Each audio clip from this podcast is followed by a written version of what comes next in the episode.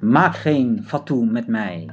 Mijn naam is Erik Patisolano en de motiverende kracht achter het bestaan van deze podcast is dat ik het leven voor de mens zie als één grote ontdekkingsreis. Met kleine en grote gebeurtenissen, met onze geluk en onze pijnlijke momenten. Mijn overdenkingen en mijn praktische tips deel ik graag met jullie om hiervan te leren.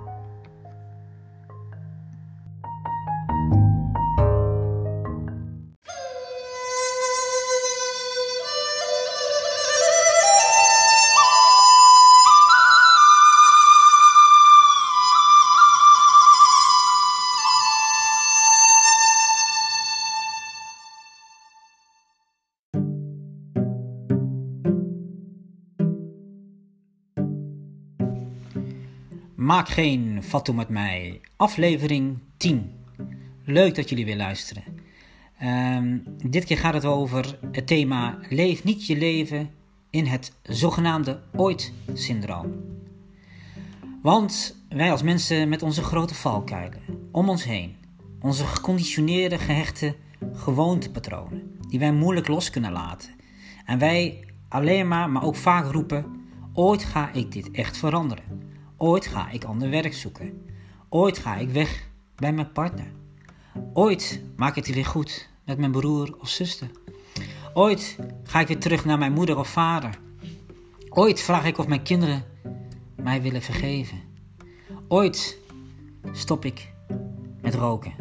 En voor mij is dit het bekende ooit-syndroom waar veel mensen in leven. En daarbij zeg ik ook altijd: weet je waar de mooiste veranderingen liggen? je dromen, ideeën, projecten, activiteiten, uitvindingen, die je zo kunt oprapen en waar je zo mee aan de slag kunt. Weet je waar? Op het kerkhof. Gratis en voor niets. Voor mensen die zoveel ideeën en, en mooie ja, uh, dromen, wensen hadden, maar uiteindelijk heen zijn gegaan in het zogenaamde ooit-syndroom. Ik heb ooit een mooi artikel gelezen van een uh, verzorgende, uh, een verpleegkundige in een hospice in Engeland. En die herkende uiteindelijk een gewoontepatroon. Een uh, gewoontepatroon bij de meeste mensen in hun laatste wensen die ze zeiden op hun sterfbed. En het waren eigenlijk, soort om het te noemen, drie topics, om het maar eens inderdaad zo te zeggen. En één was, was ik maar meer trouw aan mezelf gebleven, dan had ik maar meer de dingen gedaan die dicht bij mij stonden. 2. Had ik maar meer genoten van de dingen die ik heb, uh, die ik heb in plaats van ja, meer aandacht te hebben voor de dingen die ik niet heb. 3. En dat is laatste. Had ik met mijn broer of zus of een goede vriend maar weer eens teruggezien. Of mijn kinderen. Of gezegd dat ik nog zoveel van hun hou. Ja, en hoe begin je dan in je verandering? En waar moet je dan beginnen? Ik zeg ook altijd wel, soms komt er een verandering waar je eigenlijk niet voor 1, 2, 3 voor hebt gekozen. Je hebt dan eigenlijk geen keus en dan word je eigenlijk op een of andere manier gedwongen om die verandering in gang te zetten. Dus dan moet je. En daar ga ik het nou niet direct over hebben. Het zit er meer in dat je nu een levensstijl erop naleeft, dat jij de regie hebt en daarin keuzes kunt maken. Dus in je dromen, je wensen en wat je nog zo graag zou willen om te voorkomen dat je in die ooit-syndroom terechtkomt.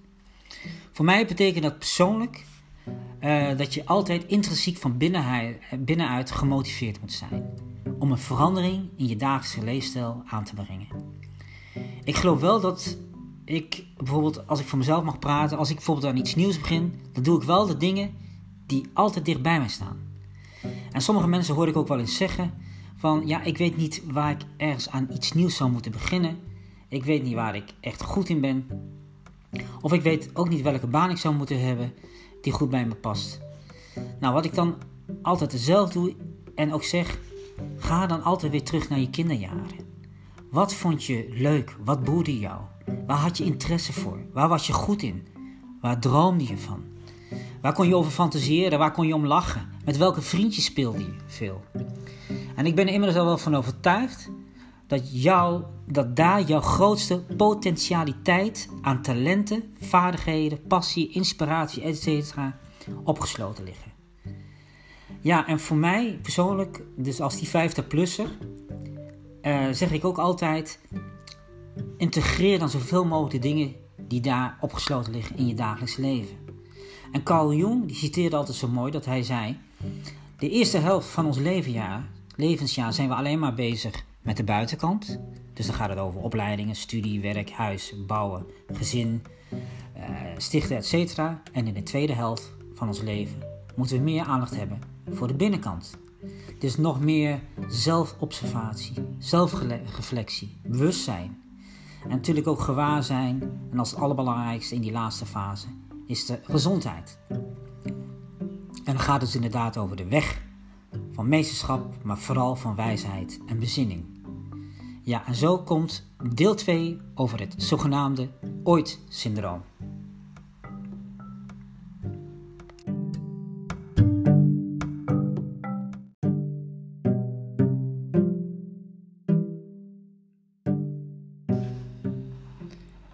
Ja, daar ben ik weer. Deel 2 over het zogenaamde ooit-syndroom.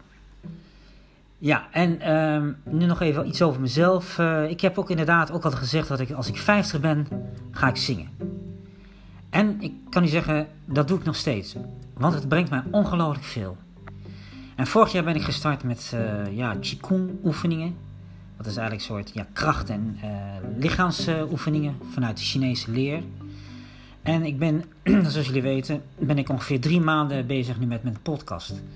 En deze nieuwe veranderingen brengen mij zoveel op gebied van ja, nieuwe inzichten, vaardigheden en vooral ook mijn gezondheid. En laatst sprak ik een goede vriend. Hij is ook een geweldige trainer, coach. En die zei: Erik, ik ga naar niets nieuws beginnen. Ik zei: Leuk joh. Want ik ben namelijk gevraagd als manager voor een ja, soort kunsttentoonstelling om tijdens een gallery een en ander te organiseren, presenteren, mensen bij elkaar brengen, eventueel uh, een discussie en meningen te leiden, etcetera, etcetera. En misschien uh, word ik het wel het gezicht van, van deze kunstvoorstelling. En het is voor mij totaal iets nieuws. Nou, toen hij dat zei, verbaasde mij dat enigszins. Waarom? Want ik ken Frans al, al heel lang, met name zo in deze talenten van hem. Want hij is ongelooflijk goed op gebied van intermenselijke communicatie, eigenlijk op alle niveaus. Ja, en daarnaast kan hij goed organiseren. En bovenal is hij een heel warm en, en ja, een lief mens met een, uh, toch ook een heel sympathiek uiterlijk. En natuurlijk een mensen, mensenmens. Ja, en als je iemand dan moet hebben hiervoor, dan is hij het wel. Dus ik ben daar uh, absoluut van overtuigd dat dat goed gaat komen. Het enige wat nieuw of anders is, is de buitenkant van deze nieuwe activiteit. Dus dan gaat het eigenlijk over de inhoud, behoren erbij een thema. En de binnenkant, ja, daar ligt al zijn potentieel, zijn potentialiteit aan kapitaal al lang klaar om gewoon te beginnen. En dat voel je intrinsiek als er iets nieuws op je pad komt.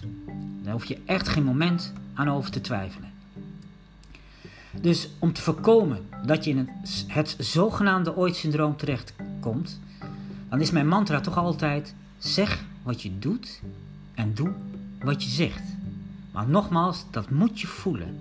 En luister dan vooral naar je innerlijke stem, want dan gaat het eigenlijk over dat je erin gelooft en 100% achter staat, gemotiveerd bent en blijf daar vooral trouw aan. Nou, daar heb ik nog wel wat uh, adviestips om ja, niet in het zogenaamde ooit-syndroom terecht te komen en vooral gemotiveerd aan de slag te gaan. Dat is één. Probeer jezelf de goede verandering in je leefstijl zo aangenaam mogelijk te maken. Uh, ik zeg ook wel, probeer wel eens het kind weer in jezelf naar boven te halen. Je enthousiasme, je blijheid, je fantasie, je dromen. En ga ze maar door. Het tweede, voer de goede veranderingen door in jouw levensstijl, maar wel in jouw gewenste tempo. Alles stap voor stap. Je hoeft niet gelijk het, eindstation daarin te behalen. Geniet van elke stap die je daarin maakt. Alles is goed daarin. En het derde, vorm de veranderingen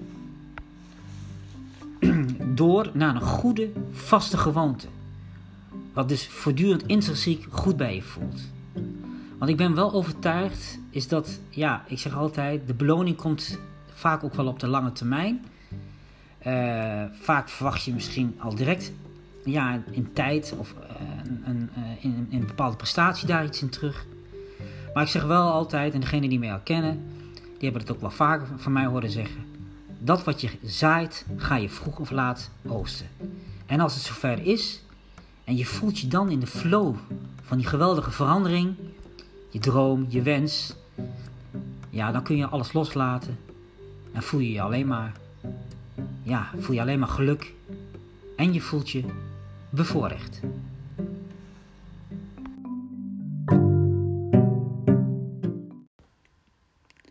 Puurveerkrachtacademiepodcast.nl Mijn naam is Erik Patisolano en de motiverende kracht achter dit bestaan van de podcast is dat ik het leven van de mensen zie als één grote ontdekkingsreis. Met kleine en grote gebeurtenissen, met onze geluk en pijnlijke momenten in ons levensspoor. En de podcast hebben een kracht als je de moed hebt om met jouw pure veerkracht ermee aan de slag te gaan. Mijn overdenkingen en mijn praktische tips deel ik graag met jullie om hiervan te leren. Dus luister naar mijn podcast en blijf mij volgen op puurveerkrachtacademiepodcast.nl.